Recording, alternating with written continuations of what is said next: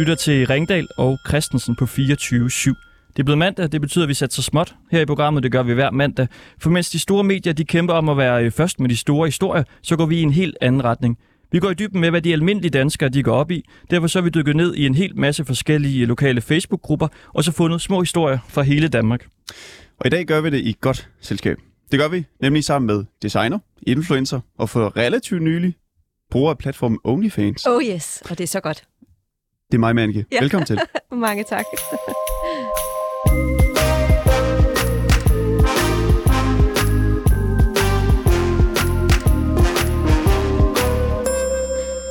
Mig, Manike, over for os. Ja. Du har din egen smykkevirksomhed, Jewel CBH, stiftet i 2005. Den driver du sammen med din uh, mor, Vibeke Manike. To passionerede, smykkeelskende kvinder. Ja, og med en holdning til tingene, det må man sige altså. Ja, Ja. det skriver I også ind på, på jeres hjemmeside. Ja. Og både det, du er passioneret, og det, du er Ja. smykkeelskende, det skal vi tale om, tale om i dag, og tale med dig om i dag. Ja. Og derudover har du også været meget omtalt som corona-kritiker i medierne. Ja, altså jeg vil ikke sige coronakritiker på den måde. Jeg vil mere bare have folk til at tænke sig lidt om, hvad det er, der foregår. Fordi at, om du er for eller imod corona, vi kan jo ikke debattere, om corona er der. Det er det jo. Det er jo en virus på, ligesom der også er andre virus, der er derude. Det er mere bare at forholde sig til, hvad det er, der foregår. Er det noget, du reelt dør af? Hvad er fakta? Så det har egentlig været min holdning fra starten, det der med, at man egentlig bare tænker sig om, i stedet for at læse, hvad der står i nyhederne, og så er det bare sådan, verden er. Fordi at, altså, hvis der er nogen, der kommer og siger til dig, at jorden den er flad, så vil du nok også lige tænke dig om en ekstra gang og tænke, jamen jeg har da, der er den ikke rund eller hvad? Det er mere det der med, at man forholder sig til, hvad der foregår. Det er mere sådan, Det er Finans.dk, der kalder dig corona-kritiker. jamen det er det. Ja, det er og, typisk øh, Finans.dk. der er jo også De nogle... slynger om, så gør de. Ja, Men først og fremmest, øh, altså tusind tak, fordi Ja. du vil være med i dag. tak fordi Og være komme. vores øh, gæstevært. Jeg har glædet mig. Det er sjovt at skulle være gæstevær. Ja. Hvad, prøv at sætte nogle ord på det. Hvorfor har du glædet dig? Jamen, jeg synes, det er sjovt. Altså, nu fortalte jeg jo også lidt om, at jeg havde jo selvfølgelig sat mig en lille smule ind i, hvad det er for noget, hvad det er, programmet handler om. Men det her med at høre andre menneskers historier, og det er faktisk også noget af det, der driver mig selv rigtig meget. Jeg elsker at høre historier. Ikke bare at snakke om, hvordan sol og vind er, men ligesom at høre, hvordan har du det? Hvordan har folk det? Hvad går de og oplever i deres hverdag? Fordi at det inspirerer jo også mig. Og jeg føler også, at vi, jeg tror rigtig meget på det her med, at vi løfter hinanden. Og det gør vi jo også, hvis vi får luft, og hvis vi får lov at fortælle om, hvad der går os på i vores hverdag. Og så i stedet for at være et totalt brokkehoved, så siger jeg, okay, jamen, hvad er så løsningen, hvis der er noget, der går der på? Hvad kan vi så gøre, for at du får det bedre? Eller hvis alt er godt, jamen det er jo bare fantastisk. Så, øh, så, så jeg synes, det er rigtig spændende at høre om andre folks historier. Så må vi høre dem om, hvordan de går og har det Ja, derude, når vi øh, skal ringe lidt rundt. meget gerne. Mm. Glæder du til at skulle tale med sådan helt almindelige mennesker? Jeg taler jo meget ofte med helt almindelige mennesker. Det er ikke sådan, jeg har en distance imellem mig. Jeg har jo også, øh, jeg dagligt skriver jo, altså ikke fordi jeg siger, med mine kunder og med alle mulige, på, jeg er meget i dialog. Jeg er meget bevidst om også at være ude, at jeg ikke bare går i min egen lille boble ude i øh, Charlottenlund eller Aarhus, eller hvor det er, jeg er, øh, for at ligesom at finde ud af, hvad er det for en kultur, vi har, hvad er det for nogle mennesker, der er derude, hvad er det, der går folk på, og hvad er det, der ligesom rører sig. Så, øh, så jeg vil sige, jeg prøver på at undgå at være i min egen lille boble. For dem, der måske ikke øh, kender dig så godt, Ja. hvad er vigtigt, at øh, de ved om dig? Jeg er smykkedesigner, det er jo det vigtigste. Men så er jeg også meget passionsdrevet, og så er jeg også meget med, at øh, hvordan, hvad, du, hvad du tænker, og at du har, et, du har en, hvad skal man sige, du har et ansvar for det samfund, du lever i. Så hvis jeg har en holdning til noget, så er det også rigtig vigtigt, at jeg ligesom ytrer mig omkring det. Så kan det godt være, at der er nogen, der er uenige med mig, og sådan er det, fordi vi lever i et demokrati, så vi har også lov til at være uenige. Altså, jeg er meget imod det der med, at man skal være bange for at sige noget, eller man skal holde tilbage, eller tænke nu, hvad andre mennesker tænker. Og sådan noget. Jamen, hvis du opfører dig ordentligt, og hvis du selv ved, hvad du laver, og har hjertet på rette sted, så har jeg det i hvert fald sådan, at så kan det aldrig gå helt galt. Og så vil der jo altid være nogen, når man råber op, som synes, man er en klaphat. Men altså, sådan er det. Så er der jo andre, der synes, det er fantastisk, man gør det. Og sådan er det. Jeg er ikke så bange. En klaphat? Ja, det er et Er godt der, udtryk, er, er, der, er det der ikke? mange, der synes, at du er en klaphat? Det ved jeg ikke, om der er, men der er der i hvert fald nogen. Altså, Lady Gaga, hun har sådan et meget godt øh, bonmot. Hun altid, jeg synes, hun er fantastisk og uden sammenligning i øvrigt. Men hun siger, har altid sagt, det var noget af det første, hun sagde i et eller andet, hvordan hun havde det med haters, fordi sådan, de er der jo. Hun sagde, jamen, øh, with fame come hate, og du skal egentlig bare være glad for, at de er der, fordi det betyder, at du er interessant. Så det, og tak dem også, fordi man så også nogle gange bliver lidt mere skærpet på, hvad det er, man mener. Så jeg synes faktisk, det er fint. Nogle gange så takker jeg dem. Og det er meget sjovt også, når du nu siger det her med OnlyFans, som jo er en, en uh, subscription-platform, som jeg er begyndt at være på, som rigtig mange tror, det er porno. Det er det ikke. Det er rigtig meget andet, og det er en genial platform. Det er only fans. Altså, det er, man betaler for at være med, og så er det eksklusivt indhold på alle mulige måder. Backstage fra mit liv og alle sådan nogle ting. Og det er meget stort i udlandet. Og vi skal snakke øh, om dine OnlyFans senere, ja. også, og også omkring øh, de her haters, som ja. Vi må jo sige, at øh, du har. Dem kan vi, det kan vi se, Men jeg har også rigtig mange, der på, elsker mig. på internet. Ja. Det er jeg heller ikke i tvivl om. Vi sad lige og kiggede på nogle af dine smykker Mm. i dag. Altså, vi tænkte, skal vi lige shoppe lidt til kæresten? Eller... Ja. Men altså, jeg ved ikke, der er nogen af dem, vi ikke har helt råd til. Vil sige. Og der er også nogen, de har. Ja, fordi man kan sige, at der- der er mange smykker til nogle 100, så er der ret mange til 1000, nogle 1000, Ja. der er nogle til 20, 30, Ja. deroppe af. Og så er der et smykke til 500, Og jeg laver også nogle, der er dyre, 20, som så ikke er på hjemmesiden. Ja. Ja. Ja, et Ja, tennisarmbånd med Ja. 7,04 karat brillanter i 18K hvidguld Ja. Ja. til 525.000 Ja. kroner. Ja. Hold da. Det er dyrt. Hvor, hvor har du det smykke henne? Altså, Hvor jeg er det har fysisk? det? Ja, Jamen, vi har en bankboks. okay. Men de helt dyre der. Vi har en, ja, vi har en sindssyg security, altså overfaldsalarm og alt muligt pis og lort og sådan noget. Altså nogle gange så er det fandme et fort at komme ind i. Er, er der øh, nogensinde nogen, der har købt så et dyrt et ur inde på din webshop? Uh, nu er det ikke uger, jeg Nej, sælger. hvad hedder det? Armbånd? Ja. Det køber du ikke på en webshop. Webshoppen, der er det jo nu, når det er så dyrt, så kommer man jo i butikken og kigger og køber det der.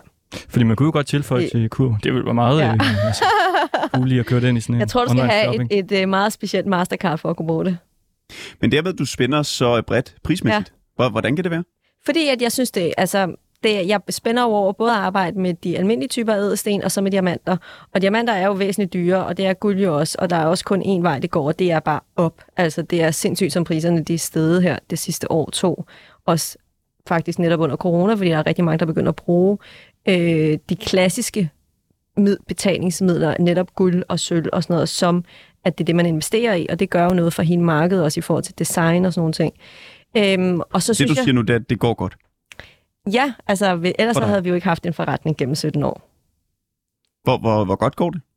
Jamen, vi vækster, og øh, det går fremad, og vi bruger pengene på, og de penge, vi tjener på at udvikle og investere, og ja, altså hele tiden, og tilpasse os også, fordi situationen er jo anderledes i dag, end den var for tre år siden. Folk går ikke ud og shopper i butikkerne på samme måde, og jeg synes faktisk, det er fantastisk, fordi at vi så har hele den her online community, og det er også en af grundene til, at jeg begynder at bruge OnlyFans, fordi det er et genial, en genial platform i forhold til uddannet, og vi er meget på Facebook med, jeg laver både min mor og jeg rigtig mange lives, og elsker at lave det, fordi man får en dialog, og man får et netværk, og man får en relation, som du ikke kan få, hvis du bare en gang imellem lige kommer ud i butikkerne. Så altså, jeg er stort set live hver aften på vores Facebook. Du virker meget øh, produktiv, når man kigger øh, også ind på webshop, altså i forhold til kollektioner, smykkekollektioner. Ja. Der er jo sindssygt mange, hvad du sad og talte, det var 50, eller i hvert fald minimum. Ja, bare lige sådan, I hvert fald, men nu har jeg også haft det i 17 år, og smykkekollektioner går ikke ud. Så hvis først jeg ligesom har lavet noget, jeg synes, det er super design, det der, og det fortsætter, så er det jo blevet noget af min ikoniske, og nogle af tingene har jeg jo, noget af det, vi sælger mest af i dag, er jo faktisk noget, jeg designet for næsten 17 år siden, og måske endda også tidligere, fordi at inden jeg ligesom stiftede mit forretning, jeg har jo altid arbejdet med smykker, uanset hvad jeg ellers, jeg læste også på universitetet, og men siden jeg var lille pige, har jeg altid lavet smykker på mit, øh, øh, hvad hedder det, køkkenbord derhjemme, og dengang der var det øh, Fredensborg Indkøbscentral, man købte perler i og sådan noget. Øh, så jeg har ligesom bare altid lavet det, så det er faktisk mit største problem, det er at begrænse mig. Okay. Ja, det er faktisk lidt svært nogle gange. Og du, du sælger så øh, smykkerne gennem det her i Jules CPH, som er dit eget, ja. Ja. dit eget firma Ja. der, sammen med Vibeke selvfølgelig. Ja, Altså hvordan, og du signer det så også selv. Ja. Prøv, prøv at sætte os lidt ind i sådan, processen med at skulle designe et smykke. Ja, det er meget sjovt. Jeg bliver tit spurgt om det, fordi når jeg designer, er jeg meget i min egen verden, når jeg laver det konkrete design. Men jeg tænker hele tiden i designs. For det første er jeg meget inspireret af kunstnere, altså kunstmalere. Jeg, og I kan også se, når I ser på mine designs, jeg bruger mange farverige ædelsten. I kan også se, når I ser på mig, det kan lytterne ikke, men jeg går meget i farver. Det inspirerer mig rigtig meget Prøv lige med at beskrive farver. din kjole, hvordan du ser Øh, jamen, det er en øh, meget lyserød kjole, som der også var en, der sagde mig, du er en rigtig glimmerpige. Jeg er en rigtig glimmerpige. Det er en lyserød kjole med meget guld på og print, og så er det sådan en, man kalder den, jeg ved ikke, om man kalder det en maxi-kjole eller sådan noget. Den er lidt varm i dag. Lidt for varm. Maxi-kjole. Ja, det er sådan er en, når den er sådan en gundlang kjole og lange ærmer. En kvinde vil vide, hvad det er. En maxi-kjole. Ja. så lærer de også noget nyt i dag. Så, så du kigger rundt, altså i forhold til, når du skal finde inspiration, du Med- kigger rundt på... Ja, på, øh, i, forhold til, altså i forhold til kombinationer af ædelsten og sådan noget, der kigger jeg rigtig meget på, og jeg, er også meget, jeg har rigtig meget malerier selv, og jeg går meget på museer og sådan nogle ting, for at blive inspireret af, hvordan du kombinerer med farver. Øh, og så med design, der tænker jeg meget i, hvad der klæder en kvinde. Men det er ikke sådan, at jeg sætter mig ned og skal være kreativ, for det kan man ikke. Altså, du kan ikke sige til en kreativ, sæt dig ned, og nu skal du lave en kollektion. Det er sådan en ongoing proces, at så har jeg det, så tegner jeg det, og så har jeg min guldsmed, som de laver den endelige. Jeg er ikke teknisk, men de laver så den endelige computerskitse ud fra mine tegninger. Så kommer det frem og tilbage. Mig godkender du og frem og tilbage, og jeg ser billeder, ædelsten og alt det der. Og så øh, til sidst har jeg så den endelige prøve hjemme i Danmark, ikke? Og i forhold til det med, øh, hvad det så skal koste. Nu, jeg har en halskæde på. Ja. Jeg kan lige finde frem. Den er Ja. lige bag t-shirten. Sådan der. Kan du se den? Nå ja, hvad er det? Er det sådan et... Øh, når det er et... Hvad Det er er sådan det? en guldhalskæde, og så er der et F i. Det er for min øh, kæreste. Aha, Hendes ja. navn begynder med F. Ja. Hvad tror du, den koster? Det er svært for mig at vurdere. 100 kroner. Altså, ja. Men 100? pointen er jo også, hvem, hvem værdisætter, hvad det er, det koster. Hvem, hvem har fortalt Janette, at en taske kan koste 40.000? Altså, det kan du jo ikke rigtigt. Der er jo tusind ting, og arbejdstimer, og så er der jo selvfølgelig også, det er jo lidt ligesom, når du går ned i øh, Føtex og køber en mælk. Hvem har sagt, hvad den mælk skal koste? Altså, der er jo nogle, en masse ting, der gør, afgør, hvad et smykke skal koste. 5 euro. 5 euro. Ja, den er købt i øh, udlandet. Meget, meget billigt. Ja. Men øh, Så er så os- spørgsmålet, hvor ægte det er, eller hvad det er. Men altså, det er utrolig fake. ja, Det er tanken, der tæller. ja, det er det. Lad os øh, komme i gang. Ja.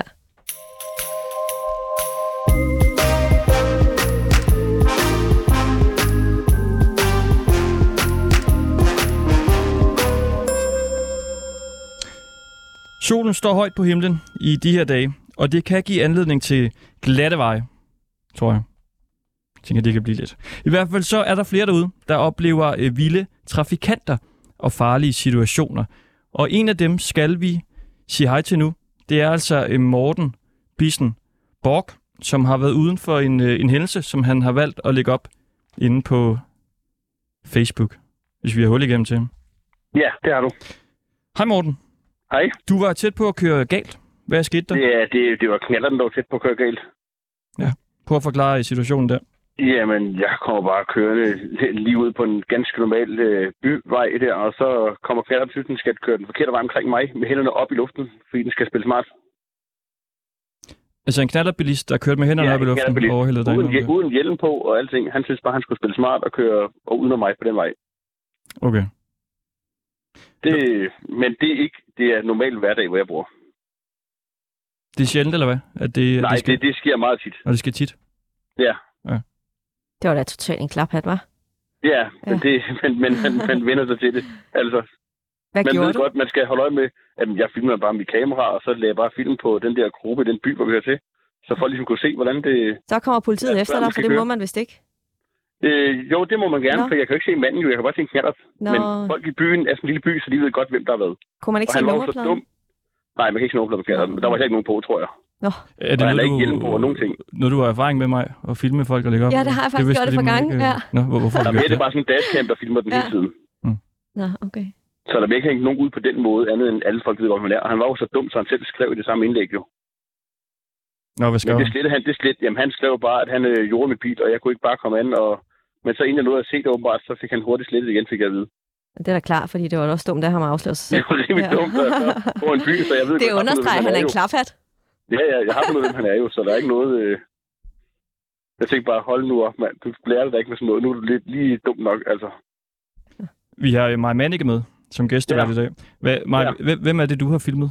Og Jamen, den ene, det, er, øh, det var en, der gik op på mit kontor og tog min computer ved højlysdag, fordi der var nogen, der havde glemt at låse døren. Så det var en indbrudstyv. Men, øh, og det blev filmet på vores kamera, og det lagde jeg på nettet bagefter, fordi at jeg ville ja. Gerne finde vedkommende. Og den anden, det var en, der på i højlysdag midt på gaden i Aarhus øh, gav mig en lige højere lammer. Ja. Lige højere, ja. ja men, og det var så tosset. Så jeg tog et billede, løb efter hende, fordi det skal man ikke gøre til mig. Så jeg, jeg er nok lidt ligesom du også er, at det Ja. gider man da ikke at finde sig i det pis der, Nej, altså. det- Ja, så jeg løb efter. det. Nu filmer jeg dem alle sammen. Ja, så jeg løb efter hende, og så tog jeg et billede af det på Facebook, men så ringede de også pænt fra politiet. Øh, men jeg sagde også til politiet, at jeg ved godt, at de ringer og siger, at jeg ikke må, men jeg har gjort det. Så må hun jo komme efter mig. Hvis hun gav dig bare en lammer ud af det blå. Totalt ud af det blå. Det viser sig så, at det er en eller anden psykisk syg, der render rundt i Aarhus og sådan noget, så de vidste, hvem hun Ah, var. Det kan også være, det var den der gul bil. Den leger de Ja. man lige giver en der på skulderen. Ja, men her kører knallerten sådan her altid, at hvis jeg filmer dem igen, så lægger jeg det op en gang. Jeg er fuldstændig Det skal du da bare gøre. Jeg vil gøre det jeg samme. Fuldstændig. Han skal da også bare bare stoppes. det ordentligt. Men det Jeg er jo faktisk blevet kørt ned af en knallert. Så Nå. derfor har jeg endnu større fobi mod sådan noget der. Folk, de skal sammen Altså, køre det med, han kører med hænderne op i luften, og med han kører forbi mig jo. Begge hænder op i luften. Jamen, idiot. For at vise noget at komme foran. Jamen, du kører ned en ensrettet gade. Jeg kan Ja. ikke køre efter dig alligevel, jo. Han må have meget lidt indhold i sit liv, sådan tænker jeg. Jamen, det er så er du bare frygtløs, eller andet. jeg ved ikke om... Eller, jeg kalder det jo dumhed, jo. Altså, Ja, jeg vil give dig helt ret. Jeg vil ikke kalde det frygtløs, bare kalde det dumt, jo. Men det er Ja. jo altså... Men han synes jo, han er sej, jo. I det, han Ja. har gjort. Og så er det, man Jamen, tænker, han synes, hvad er det der er sejt ved det? Ja, der var nogle forældre, der er rigtig stolte af det eller andet, tror jeg. Det, Ja, altså, det er bare sådan, jeg har det med dem. Det, det bliver filmet en anden gang, hvis de gør det igen. Altså, Ja. jeg er ligeglad. Det lyder lidt som dig, Kristoffer, når du kommer cyklende, altså med hænderne op over hovedet, og prøver at se sej Det er ud. jo på cykel. Jo, jo, men Altså, det er altså... andre også gjort på cykel, men ikke Jo. den modsatte vej omkring bilerne, hvor de blinker, og så kører den vej, at bilen blinker omkring og lige ud.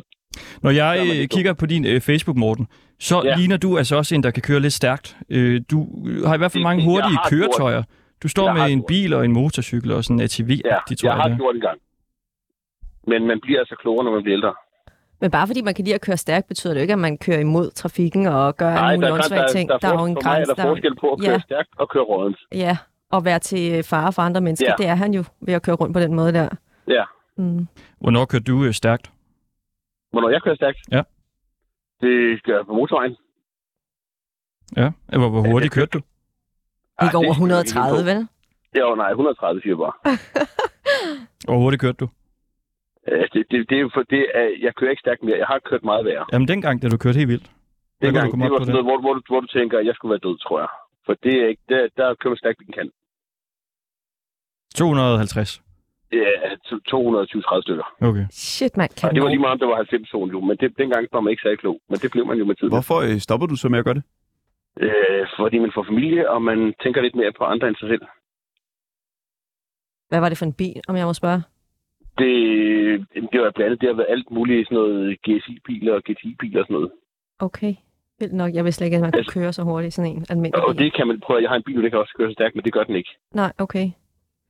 Og i dag er politiet efter alt, hvad de finder jo. Så nu øh, dengang var reglen noget andet, end den er i dag jo. Mm. Ja, du får taget din bil, hvis det er, du I dag overskrider tager de bilen med det samme. Ja, Der er ja. ikke noget der. Altså. Det synes jeg også er fint. Ja, ja, men det er fint Mm. nok. Så der er ikke noget... Øh, Han skulle have taget Men- sin knaller fra sig, ham der. Det, jeg tror ikke engang, det er engang, det hans jo. True. Altså her, der, her i byen, hvor jeg bor, der kører de på crossmaskine ned på gaden nogle gange jo. På hvad for noget? På sådan en crossmaskine, Nå. der er til en bane. Okay. Men, det, synes, det, men de har ikke nogen idé om, hvor farlig den er, fordi den kan ikke manøvrere på asfalt. Men det, altså det, det, det lærer de nok på et eller andet tidspunkt. Ja. Ja, Bare det ikke ud andre mennesker end selv, så ja, ja. Ja, det er åndssvagt. Ja, men det, er- sådan, er, Mm. sådan er mennesker faktisk jo. Men vi andre har også været unge engang, vil jeg kalde det jo. Så vi er bare blevet klogere, ikke? Altså, Der står inde på din øh, Facebook, at du arbejder som undercover-agent ved FBI. ja, men det var bare noget sjovt, jeg skulle have engang. Ja, men jeg tænkte nok. Hvad, hvad, hvad Ja. laver du til daglig? Jeg er produktionsmedarbejder på en øh, møllefabrik, Okay. så bygger vindmøller. Er det næsten det samme som FBI? Ja, det, det er næsten samme. De kører, de kører stærkt. Ja, vindmøllerne? Eller, Ja, de kører stærkt på luften. Morten Bissenbok, Ja. vi er glade for, at der ikke øh, skete noget. Ja. Og du, bare øh, læg det på igen, den video, hvis du ser ham igen. Det skal du bare gøre. Ja, ud med den. Det, det Ja. gør jeg også. Der er- Nej, hun der skal nok dele den på sin Ja, platform. Så jeg kommer deler hun du. Så får vi fanget den skurk. der. Ja, der, det skal nok komme op igen. det er godt. Der kan nok komme mere. Det er godt. Det kan være, vi skal lægge op på vores Facebook-side. Det kan vi Vi trænger det- til at være lidt det må- aktivistiske. Det må I gerne. Der er Ja. ikke noget der. Ah, det finder vi ud Du af. smider den bare lige til os. Yep. Ja. Det er orden. Godt. Hej. Ja, Hej. hej.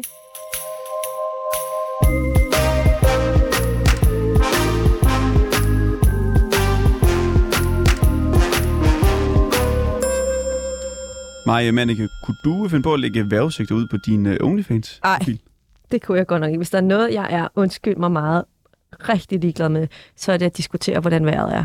Altså, jeg er også sådan en, altså, hvis først man begynder sådan, åh, vejret er fantastisk, eller vejret er dårligt, eller et eller andet, prøv at høre, der er vigtigere ting i livet at snakke om. Sommeren er over os. Det kan umuligt være på nogens næse forbi. At vi de seneste uger har oplevet vilde og rekordsættende varmetemperaturer. Men ifølge nogle vejrudsigter, så kan sommeren snart være på vej på efterårsferie. Måske vores øh, næste gæst kan bede eller afkræfte den prognose. Nu skal vi nemlig tale med Frederikshavns helt egen Facebook-metrolog, Arvid Jacobsen. Hej med dig. Hej, hvem snakker jeg med? Det er Christoffer eller Anton? Ja, det, det er lidt af en blanding, kan man sige. Og øh, mig, øh, Manneke, hun er også med. Nå, nå, okay. Ja, hun er, hun er med vild med, med vejrudsigter, har vi lige fortalt. Derfor tænkte vi, vi lige skulle ringe til dig. Arvid. Ja, ja, ja. Ugenligt strikker du en øh, vejrudsigt sammen for gruppemedlemmerne inde i Frederikshavn og omegn. Nu er det. Nej, det, det er hver eneste dag. Du følger ikke med, kan jeg høre. Det øh, vil jeg gerne... Øh, jeg bringer her med et dementi. Ja. Nå, men I snakker om det der med vejr trækker ud. Altså, de langtidsprognoser, jeg har sådan siddet og kigget på nu, ja, de ligger med varmt vejr helt hen til midt i september, hvor vi ikke kommer under 20 grader. Skønt. Så, så, så er det så det, om man skal stole på de professionelle eller på amatøren. Og hvad, du er amatøren, eller hvad? Ja, ja, og gud, ja. Ja, ja, jeg er så amatør, som noget kan være. Men det er da egentlig sjovt at lege med. Hvorfor sidder du hver dag og laver en øh, vejrudsigt inde på Facebook? Jamen, det er jo ikke bare Facebook. Jeg laver jo også vejr til TV2 Nord, og det har jeg så gjort mange gange, og jeg har jo også været inde med Michael Jern, vi alle dem i DR. Altså, det, hvorfor jeg gør det, det er fordi, jeg er født og opvokset på Læsø. Og min far var fisker, og så flyttede vi til en lille Robinson Crusoe-ø, det hedder Hirsholm, lige fra Frederikshavn, hvor vi var 13 indbyggere. Og der må jeg sige, det var færinger, og så også der blev ikke snakket om andet end vejret, mens vi spiste tør jøder og alt det her tørfisk, som man siger. Og jamen, altså, det har været værd altid, og så på et tidspunkt, man må ikke forklare noget, men så lavede DMI deres, øh, hvad hedder det, hjemmeside om, og så synes jeg ikke, det var sådan, op, sådan det, jeg kunne lide. Så tænkte jeg, jeg kunne sgu lige så godt tumle med det selv, og så abonnerer jeg på alle de der værdata, ligesom DMI og YR, de gør for ECMWF, European Center for Medium Range Weather Forecast, som ligger lidt norden for London. Og så sidder jeg og laver mine prognoser ud fra alle de modeller. Så, ja, så har jeg sejlet langfart jorden rundt og i ishavet og sådan. Meget interesseret i det her. Det lyder sådan. Fedt, du er så passioneret omkring det. Det synes jeg da, det må da være sjovt også. Altså, og så også at se, om det passer, det du siger i forhold til, ja. hvad der så sker Ja, reelt. det, har, det har du ret i, og det er også derfor, jeg måske godt er hver dag, fordi jeg får flere og flere tusind følgere, ikke også? Og det er jo rigtig sjovt, som vi siger heroppe, og den hedder egentlig den rigtige værmelding, altså Arvids værmelding, den der Ja. ja. reklame, altså. Og det, det synes jeg egentlig er sjovt at, at tumle med, og som du siger, om det er rigtigt, og de, de, jeg, nu vil jeg ikke rose mig selv, men jeg får mange roser på, at den er god. Så set i bagspejlet, så har du haft ret.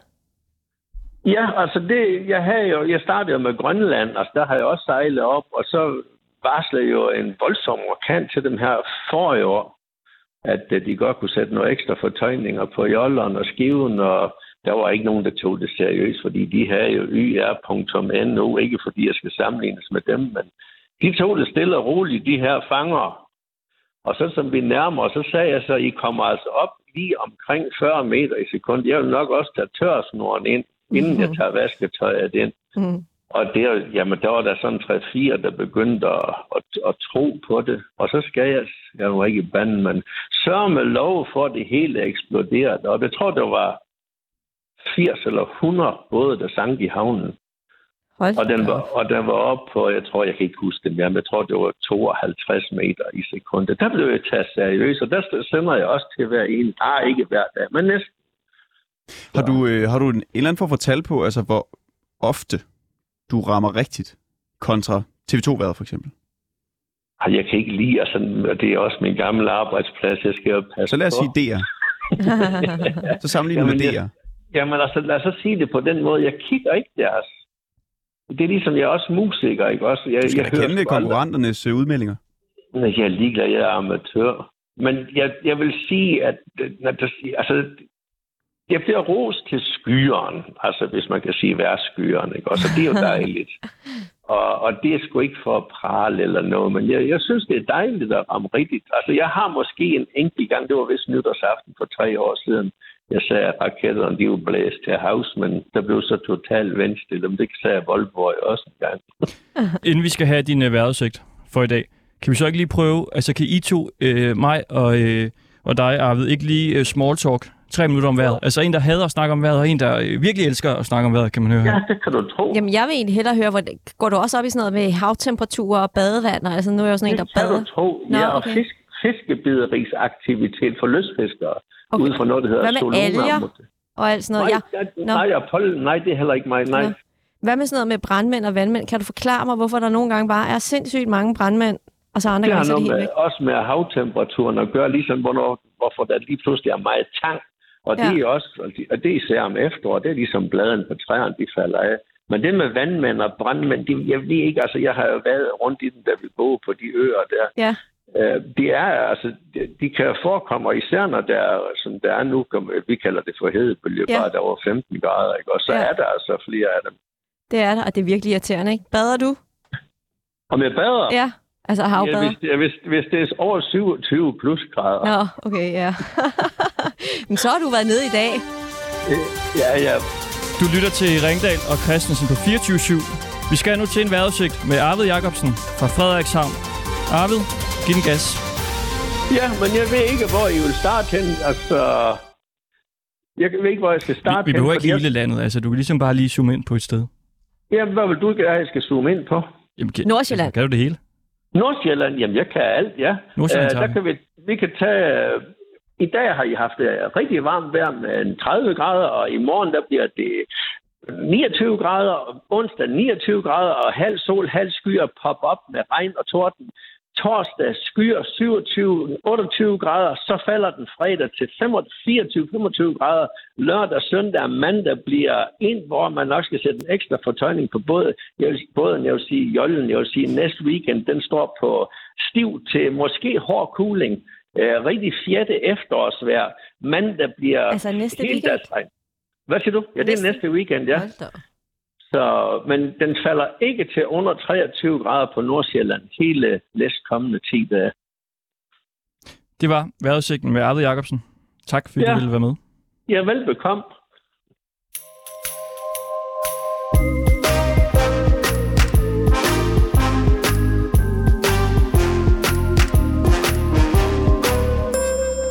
For nylig der kunne man læse en masse overskrifter om, at du har åbnet en øh, OnlyFans-profil. Ja. Kan du ikke bare lige øh, kort forklare, hvad OnlyFans er? Jamen, uh, OnlyFans, det er en, uh, det, der hedder, kaldes en subscription-platform. Det vil sige, at du betaler for at være med på den her platform, og så kan du som creator, ligesom mig, dele eksklusiv content for dine fans. Så det er kun for fans. Og det er super godt, fordi man har mange større muligheder i forhold til det her med community og skabe loyalitet og ligesom være i dialog. Altså det er en helt anden type af platform end Instagram og Facebook, som er meget sådan, jeg poster et billede, så er der nogen, der ser det, måske liker de det, måske gør de ikke. Men her er der meget mere interaktion. Det er en genial platform. Det er kæmpe, kæmpe stort i udlandet. Det foregår kun på engelsk. Der er så, det er en plus 18 år. Du skal være 18 for at kunne være på den her platform. Det vil også sige, at der er adult content, det vil sige porno. Men det er slet ikke det, der primært er. Der er rigtig mange forskellige, altså der er rigtig mange creators, designers, øh, fotografer, øh, fitnessfolk og alle mulige, som er inden for det kreative, som har en profil der, og som så har deres eget lukket community for deres only fans. Og hvordan er det så? Skal man betale til dig Man skal betale til mig. dit indhold? Ja, så det vil også sige, at det giver mig 100% magten i forhold til, hvad er det, jeg poster. Det er ikke, hvor man siger, på Instagram i dag, der bliver det jo meget udvandet. Jamen, altså, mange er jo betalt for at lave post, og det er jeg jo selvfølgelig også selv nogle gange har med de her reklamepost. Det, der bliver det jo sådan lidt, jamen, hvad er det egentlig, man så står og fortæller, hvor at på OnlyFans, det er dine billeder, det er din historie, det er sådan, det er. Og det er en ekstrem empowering jo af en selv, fordi at man er 100% i kontrol selv over sit eget medie. Og så synes jeg jo også, det er fantastisk det her med også bare at være klar i spyttet omkring, det er kun for fans. Fordi at der skal, altså, du skal virkelig være hater for at gide at betale for at være en del af det. Og det er ikke fordi, man betaler meget, men folk vil jo også, det er jo ligesom, at de gerne vil købe et blad, eller de gerne vil gå ind og se et eller andet. Altså, man vil jo gerne betale for at være en del af noget, hvis man synes, man får noget, som man ikke får andre steder. Og for mig er det, det min måde at komme mere internationalt ud. Jeg har også lavet et samarbejde med OnlyFans selv. De synes jo, det er fantastisk, at jeg i Danmark tør at gå imod strømmen og ligesom vise, at OnlyFans er meget andet end adult content. Altså det synes OnlyFans, at de Ja. synes, det er fantastisk, at du Ja, på deres ja. Har, Ja. altså har de kontaktet dig og sagt Ja, ja, ja, men jeg, de, altså de, og de kommer også til at poste sådan en øh, feature-video omkring mig for deres to millioner brugere på Instagram, og laver reklame for, og de har også givet mig, da det var, jeg ligesom sendte ud, at jeg var her, har de også lavet et statement omkring, hvorfor de er glade for, at jeg er der, og de synes, det er fantastisk, fordi det også viser netop, hvordan modebranchen kan Det er bruge, da lidt vildt, at det, er er en ret vildt. stor platform. Det er en hvorfor, kæmpe hvorfor i platform. dig? fordi at de synes, det er jo genialt, at jeg har lyst til at bruge den platform, hvad også er super genialt, og også vise andre, at det her er ikke adult content, det handler om.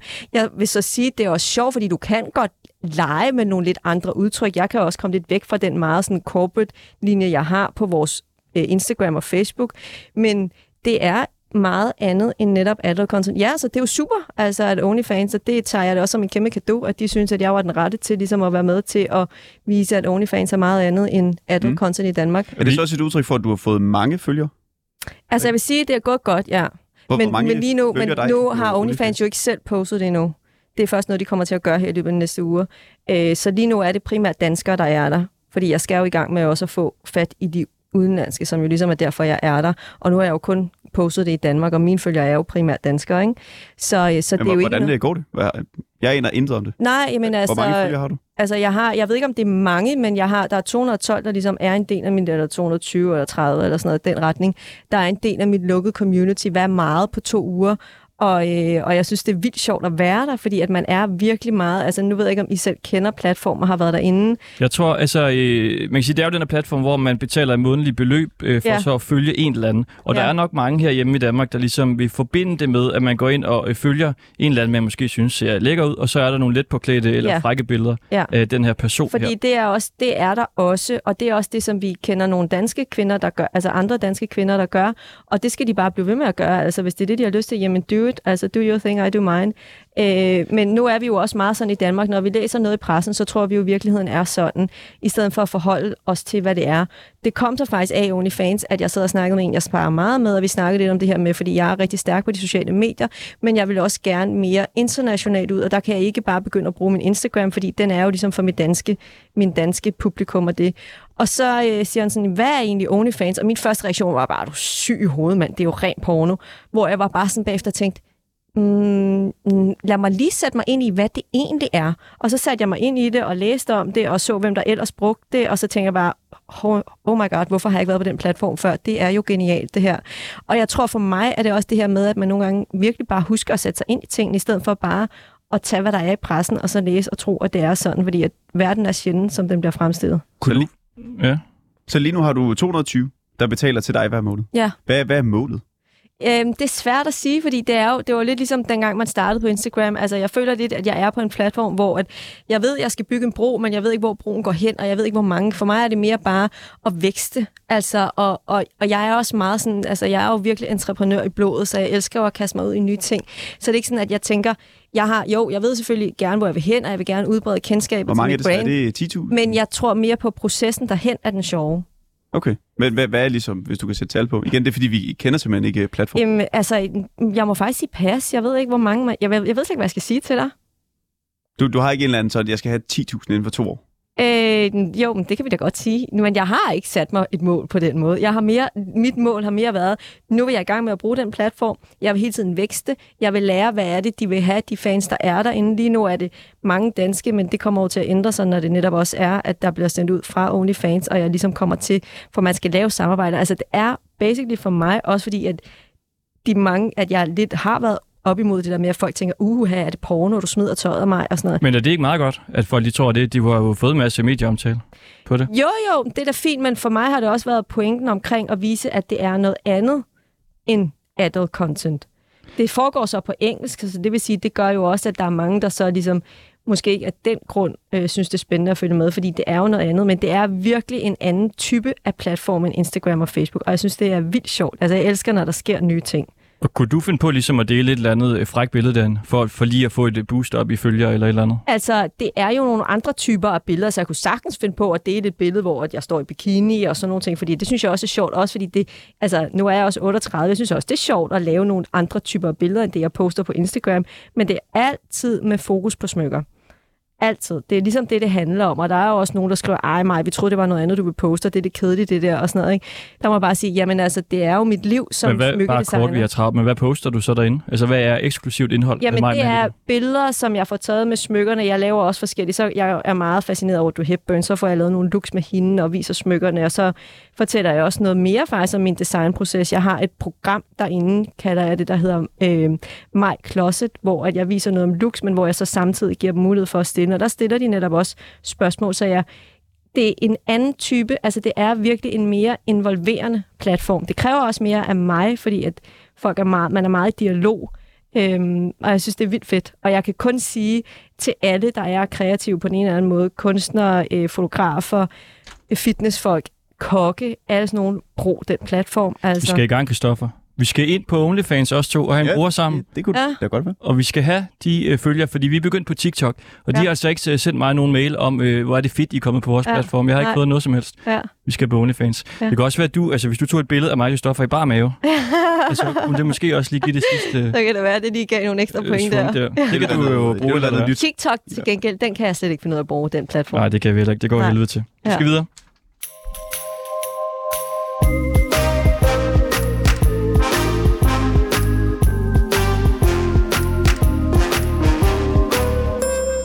Når du nu rigtig øh, skal forkæle dig selv og lave noget lækker mad, Ja, hvad spiser du så? Ej, jeg er virkelig dårlig i et køkken, men jeg elsker hummus. Hummus? Ja. Bare øh, en skål hummus? Ja, hummus Okay. og øh, grøntsager og, og kylling og sådan noget. Jeg er virkelig, jeg er virkelig ikke et madøre. Vi skal tale med en, som du måske kan få lidt øh, inspiration fra nu. Ja. Og jeg ved ikke, om du har lyst til at, ligesom at starte samtalen med hende. Ja. Hvis nu jeg kommer med et oplæg. Og det er fordi, jeg er faktisk lidt i tvivl om, hvorfor hun er med. Okay. Fordi det er nogle uger siden, jeg skrev til hende, men jeg kunne ikke finde hendes oprindelige opslag. Men jeg kunne bare se, at jeg ligesom havde spurgt hende, om hun ville være med og tale om hendes lækre menu. okay. Det var ligesom det. Så hun har nok Ja. delt noget mad og skrevet, at det var en, øh, en lækker menu. Men prøv lige at give mig lige øh, en jingle, Chris, så kan vi lige sige. Ja. Sommeren er jo stadig over os, så det betyder selvfølgelig, at mange nyder en lækker menu ude i det gode vejr. Der bliver altså smæsket og guffet god mad i sig ude i de danske landskab. Og nu skal vi tale med en, som har en lækker menu. Ria Christensen. Er du med, Ria? Ja, det er der. Hej. Ja. Hej. Hej Ria, jeg er meget, Ja. meget spændt på at høre, hvad din lækre menu er. Jeg skal først lige høre, hvor i landet bor du henne? Det synes jeg også er lidt Jeg sjovt for bor, mig. jeg bor i Sønderjylland, I Rødekro. Sønderjylland, aha. Så forestiller jeg mig jo straks, det er noget med et stort kagebord. Ja, men jeg er også går også med ud og bager til de store kaffebord. Det gør jeg da. Ej, hvor fantastisk. Og hvad er så din menu? Altså, jeg tror nok, da jeg blev ringet op, det var nok en kampsteg, jeg havde lavet med hjemmelavet agurksalat og rysterips og med sovs og kartofler. Hold da op, ja, det er virkelig, det er meget sjovt også det der med, hvad man spiser rundt omkring i landet på forskellige, i forskellige områder. Er det meget sådan, den lokale ret nede hos jer? Ja, det er det. Hvad var, var der forret også? Eller hvordan er sådan ligesom... Altså, Opsæt. det havde vi nu ikke, fordi vi, vi tog kun kampstegen, men man kan fint lave en forret til os. Aha. Nu Og spørger når det, er, når, det, når det er vintermåneder, så laver vi jo gammeldags hvidkål og rødkål til. Aha. Altså, jeg elsker jo også sådan noget rødkål. Hvidkål, ja. Men hvidkål, det får man ret ondt i maven af, gør man ikke det? Er der ikke noget med Nej, det? det gør man ikke. Nå, og kampsteg, er det der, hvor der også er, er det lidt ligesom flæskesteg? Jo, det er det. Og så er det med sprøjt svær på. Lækkert. Hvem skulle du servere det for? Det gjorde jeg for min mand og og mig selv. Nå. Laver du den slags mad hver aften? Øh, ikke lige frem kampsteg, men meget forskelligt. Jeg laver rigtig meget mad. Okay, det må tage lang tid, gør det ikke det? Nej, det er ikke så slemt. Den passer jo sig selv i ovnen. Ja, okay. Men hvad bruger du sådan en dag en, om dagen? En time? To timer i køkkenet, eller hvordan er det ligesom? Altså, det kommer an på, hvad jeg laver. Mm, Hvad skal du Det- lave i aften? Jamen, i aften, der springer vi over. Der tager vi et stykke rugbrød. Det, det bliver det eneste. Nå, hvad siger manden til det? Er han tilfreds med det? Jo, jo, det vil han gerne. Nå, men det er vel ikke bare et stykke rugbrød? Hvad kommer der på det rugbrød? Jamen, altså, hvad det kommer på nu, det ved jeg så ikke. Det kan godt tænkes, det bliver tartar. Og så med løg og kapers og, og æggeblom. Det kan godt tænkes. Hold da op, det lyder også fancy. Altså, du snakker til en, som virkelig ikke går op i at lave mad. Så jeg synes, det er imponerende. Altså, jeg synes også, det er, jo, det er jo dejligt. Det er jo også noget, I hygger jer omkring, så hvad det er, I Ja, skal spise. Ja. Ja, det gør vi. Hvad med morgenmad og frokost? Går du lige så meget op i det? Ja, altså det, det gør jeg, og hvis det skal være hyggeligt, så, så trækker vi morgenmaden lidt, og så tager vi den i forbindelse som en lille brunch. Nå, ej, det var da også mega hyggeligt. Og så laver vi det klart herhjemmefra, og så anretter det på nogle fine tallerkener, og så tager vi det med ud i skoven. Ja, ej, det lyder da også fantastisk. Og netop at anrette det på fine tallerkener. Ja. Altså, jeg synes jo, det er virkelig skævt, når folk, de, hvis de køber takeaway, og så serverer det i plastikskåle. Man serverer da ikke mad i plastik, er det ikke rigtigt? Jo, det gør man ikke. Nej, man kommer det der op i pæne skåle. Det er da lige så meget det, det Ja. handler om. Ja, Ja, men altså, det, jo bedre det ser ud, jo mere er lysten til at spise det. præcis, altså. Og plus, at kokken bliver værdsat mere også, når man ligesom præsenterer det pænt, ikke? Altså, du skal Helt også have sikkert, ja. credit for at have stået i køkkenet i to timer for at lave lækker mad. Ja, Ja, nå, Og dejligt. når du så laver lækker menu der øh, til hjemmet, hvor tit laver du så lige, altså når I rigtig skal forkæles, så en skål hummus med grøntsager? Altså, det må du gerne lave, hvis jeg kommer på besøg i hvert fald. Ja, okay, men jeg har ikke prøvet at lave det. Jeg har ikke prøvet at lave det endnu. Det er jo øh, Maja Manniges hofret. Jeg elsker hummus. Ja, det smager også godt. Det smager... Nå, så du spiser det også, men du har bare ikke lavet det selv. Jo, jo, jo. Jeg har bare ikke prøvet at lave det. Nå, ej, det må du da kaste dig ud i. Prøv at servere det for din mand i morgen. Jamen, det kunne jeg da gøre. Ja. For så må du fortælle mig, hvad han synes. Ja. Har, har du selv øh, lavet det? Maja, Hummus? ja.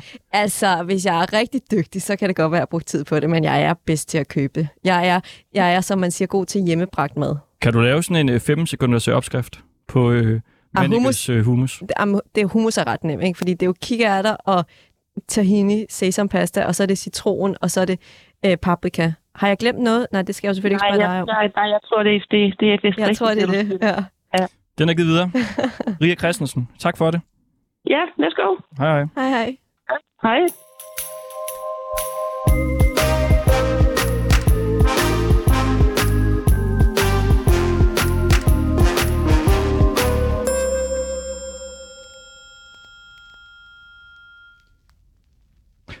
Vi kan ikke få fat på den næste. Han var ellers helt kanon. Det er jeg sikker på. Ja, Frank? Ja. Ja, det er fordi, han er i tvivl om, det hedder øh, rygeost eller røgeost. Det hedder vel rygeost, gør det ikke det? Jo, det tænker jeg også, men det er fordi, han har købt, ja. en, øh, han har købt en ost, hvor der står røgeost. R-Y-G-E. Det må være en Ost. fejl. Ja, vi bliver lidt i øh, madens hjørne. Ja. Men det kan være, at vi bare skal hoppe videre til det næste så. Det- Ja, hvis han ikke tager den. Vores producer kan lige øh, prøve, fortsætte at få fat på Frank, og ellers så hopper vi lige øh, videre til det næste.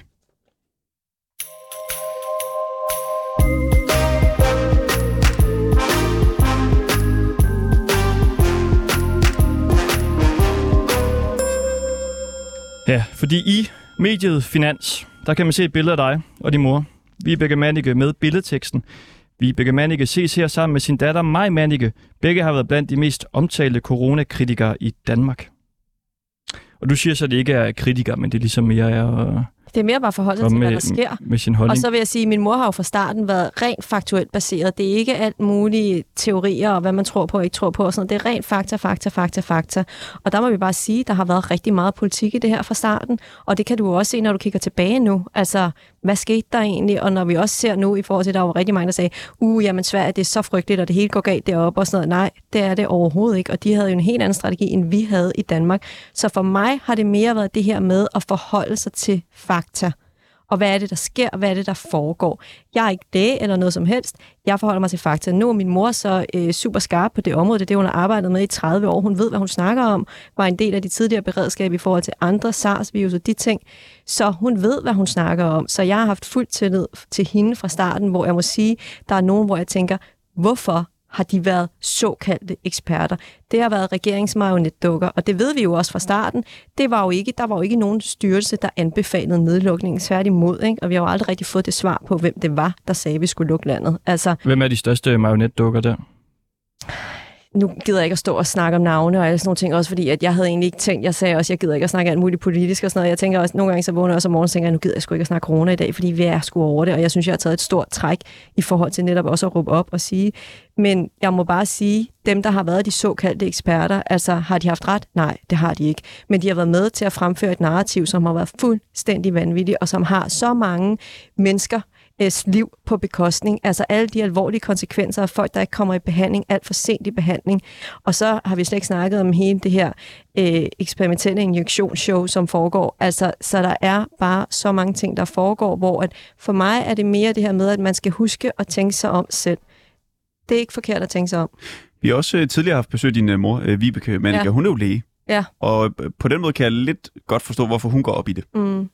Og du har også været utrolig flittig i den her øh, debat. Jeg synes bare, det var Hvor- så hvorfor, sindssygt. hvorfor var det vigtigt for, for dig personligt? Fordi jeg synes, det var Fordi du så brugte jo helt vildt meget tid på det. Det gjorde jeg. Og så kan man også sige, så er folk også sådan, uh, har du ikke været bange for din forretning? Prøv at høre, jeg synes, det var vigtigt at min forretning det her. Jeg synes, det er vigtigt, når man har en stemme. Og netop fordi jeg har så mange følgere, og så mange ved, hvem jeg er, så synes jeg, det var rigtig vigtigt at råbe op og sige, prøv at høre, tænk, jeg lige, tænk lige over, hvad er det, der foregår. Prøv Så bare tror lige at forholde have til gået fakta. så meget op i det, hvis, hvis ikke Vibeke havde gjort det? Øhm, ja, det tror jeg faktisk, fordi at lige da det hele starter øh, med corona, det havde jo ligesom været i nogle måneder, man vidste, hvad der foregik, og der var en virus og alle de her ting. Da det så ligesom landet bliver lukket ned, så øh, siger jeg til min mor, mor, jeg blander mig ikke i den her debat. Så siger hun, det er rigtig godt, men skat, det gør du ikke. Fordi det er, hun er ligesom lægen, og det hun ved, hvad hun snakker om. Dagen efter, synes jeg bare, at det hele var så fucked op sindssygt, for at sige det på en pæn måde. Undskyld, jeg banner, men altså, øh, det, det, det er sådan lidt nogle gange, ikke? Du må gerne. Ja. Nå, tak. Øh, at jeg simpelthen synes, det var så vanvittigt, at jeg kunne simpelthen ikke være i det. Så jeg skrev en lang post øh, på Facebook, jeg postede det, og så, så ringede jeg bagefter til min mor og sagde, Nå mor, nu er det for sent, jeg har skrevet noget omkring, hvad jeg mener. Så sagde hun, hm, nå. Hun var nok ikke overrasket, men vi havde faktisk en aftale om, at jeg ikke skulle gøre det, men jeg gjorde det alligevel, for jeg synes, Så det tror var... du, hun har været stolt af dig i den her proces? Min mor kender mig jo, ja, så det tror jeg også, hun har været, fordi at jeg har ligesom, altså jeg har ikke et eneste sekund været i tvivl om, hun havde ret, fordi jeg har jo også set, og jeg ved, hvor dygtig hun er, jeg ved, hvor skarp hun er, jeg ved, hvad hun kan også ellers, øh, og jeg ved også, hvordan hun er alene faktabaseret. Der er ikke, hvis der er noget, min mor ikke er, så er det at tro på hver vind. Altså, alt sådan noget, og stikke en finger i vejret, og bare lige tror, hun læser alt, og hun læser dagligt, og altså, så, øhm, så, så jeg vil sige, at øh, ja, det er jeg da sikker på, hun har, men det var ikke på grund af hende, jeg råbte op, men jeg har bare en genuin tro på, at hvis du har en holdning til noget, så synes jeg, du har et ansvar for os at sige, hvad du tror. Og så tror jeg så også meget på det her med, at det er okay, at vi er uenige. Jeg er uenig med nogle af mine bedste venner, jeg elsker dem stadig det synes jeg er så fint, at vi jo egentlig vi har bare en åben debat. Og det synes jeg måske er en af de ting, som er det værste i alt det her, det er, at folk er bange for at diskutere, fordi de er bange for at blive udskammet. Hvor herre bevares, vi der er blevet udskammet. Vi har også fået rigtig mange, øh, der elsker os. At min mor kan jo ikke gå på gaden, uden folk kommer hen og krammer hende. Det er jo helt sindssygt. Kommer de også øh, dig? Nej, det gør de ikke på samme. Nej, fordi min mor er jo, altså hun er jo ligesom lægen, hun er jo den, hun har jo virkelig holdt folk oppe med troen på det faktuelle frem for det politiske. Så det er jo ligesom hendes viden, så den ære skal jeg overhovedet ikke tage mig. Jeg synes, det er fantastisk, at hun får alt det, fordi at hun har og gør et kæmpe arbejde. Det vi gør i dag, det er, at vi sætter os småt. Så vi har været rundt i en masse lokale Facebook-grupper, Ja. ja. og så har vi fundet ud af, hvad danskerne rent faktisk går op i. Og nu, jeg læser lige noget højt. Mm. Er du klar? Så nu kommer der noget spændende om mig. Ikke, øh, ikke det mindste. Nå, okay. Det er måske en fejl, det ved jeg ikke. Ja. Jeg læser højt. Flere steder i landet stiger antallet af covid-19 smittet igen. Og det er den hissige og dominerende omikron undervariant BA5, der står for den største andel af de nye smittetilfælde med hele 94 procent. Det viser den seneste tendensrapport fra Statens Serum Institut. Især Region Sjælland og Region Syddanmark oplever flere nye smittede med covid-19 inden for den sidste uge.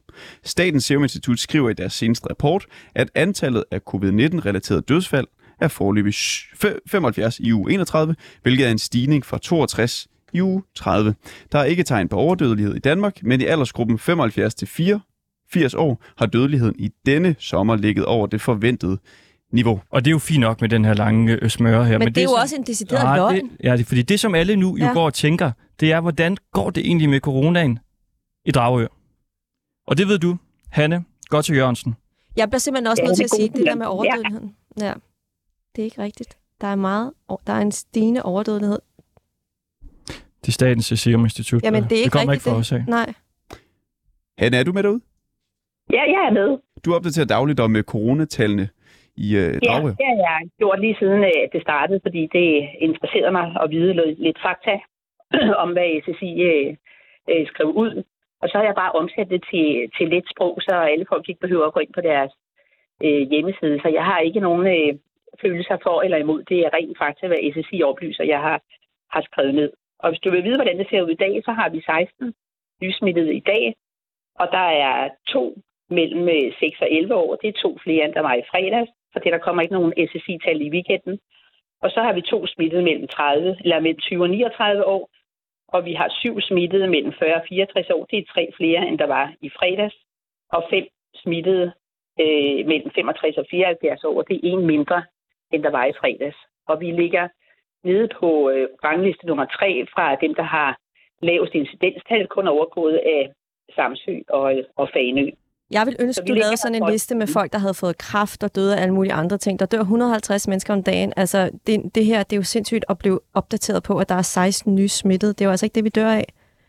Jeg synes, Det det er er... fuldstændig ligegyldigt. Jeg, jeg ja. laver en service. Det er det ja. eneste, okay. jeg gør. Ja. Og det har jeg gjort, og der er mange folk, der er glade for det. Men jeg synes, det andet vil også være, vil være mere relevant. På, Ja. på den bekostning. Hvor, hvorfor øh, sidder du egentlig og laver øh, de her øh, updates hver dag?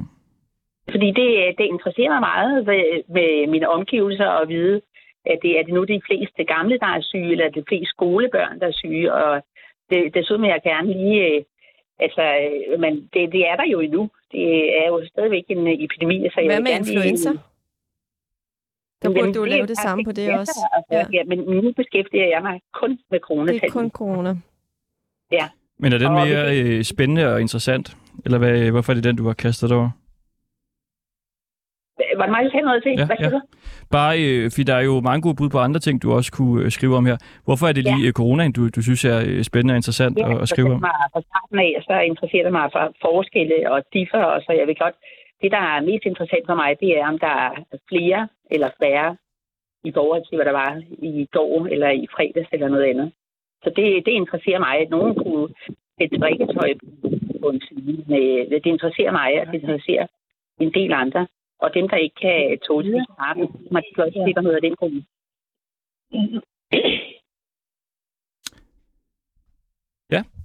Det var en corona-update fra Dragør. Ja, det var det. Hvad, hvad laver du egentlig ellers, når du ikke laver de her øh, corona-updates? Der er jeg bedstemor øh, på fuld tid. Jeg har øh, otte børnebørn, og jeg ser dem dagligt og passer dem om eftermiddagen, og så er jeg pensionist. Så hvad hedder det? Så jeg har min lille gåtur til Dragør på de lokale caféer tilbage igen og passe børnebørn og nyde livet som pensionist. Så jeg skal ikke klage. Dejligt. Hanne, godt til Jørgensen. Tak fordi, at du ville være med. Ja, det var så lidt. Hej hej. Kom igen. Hej.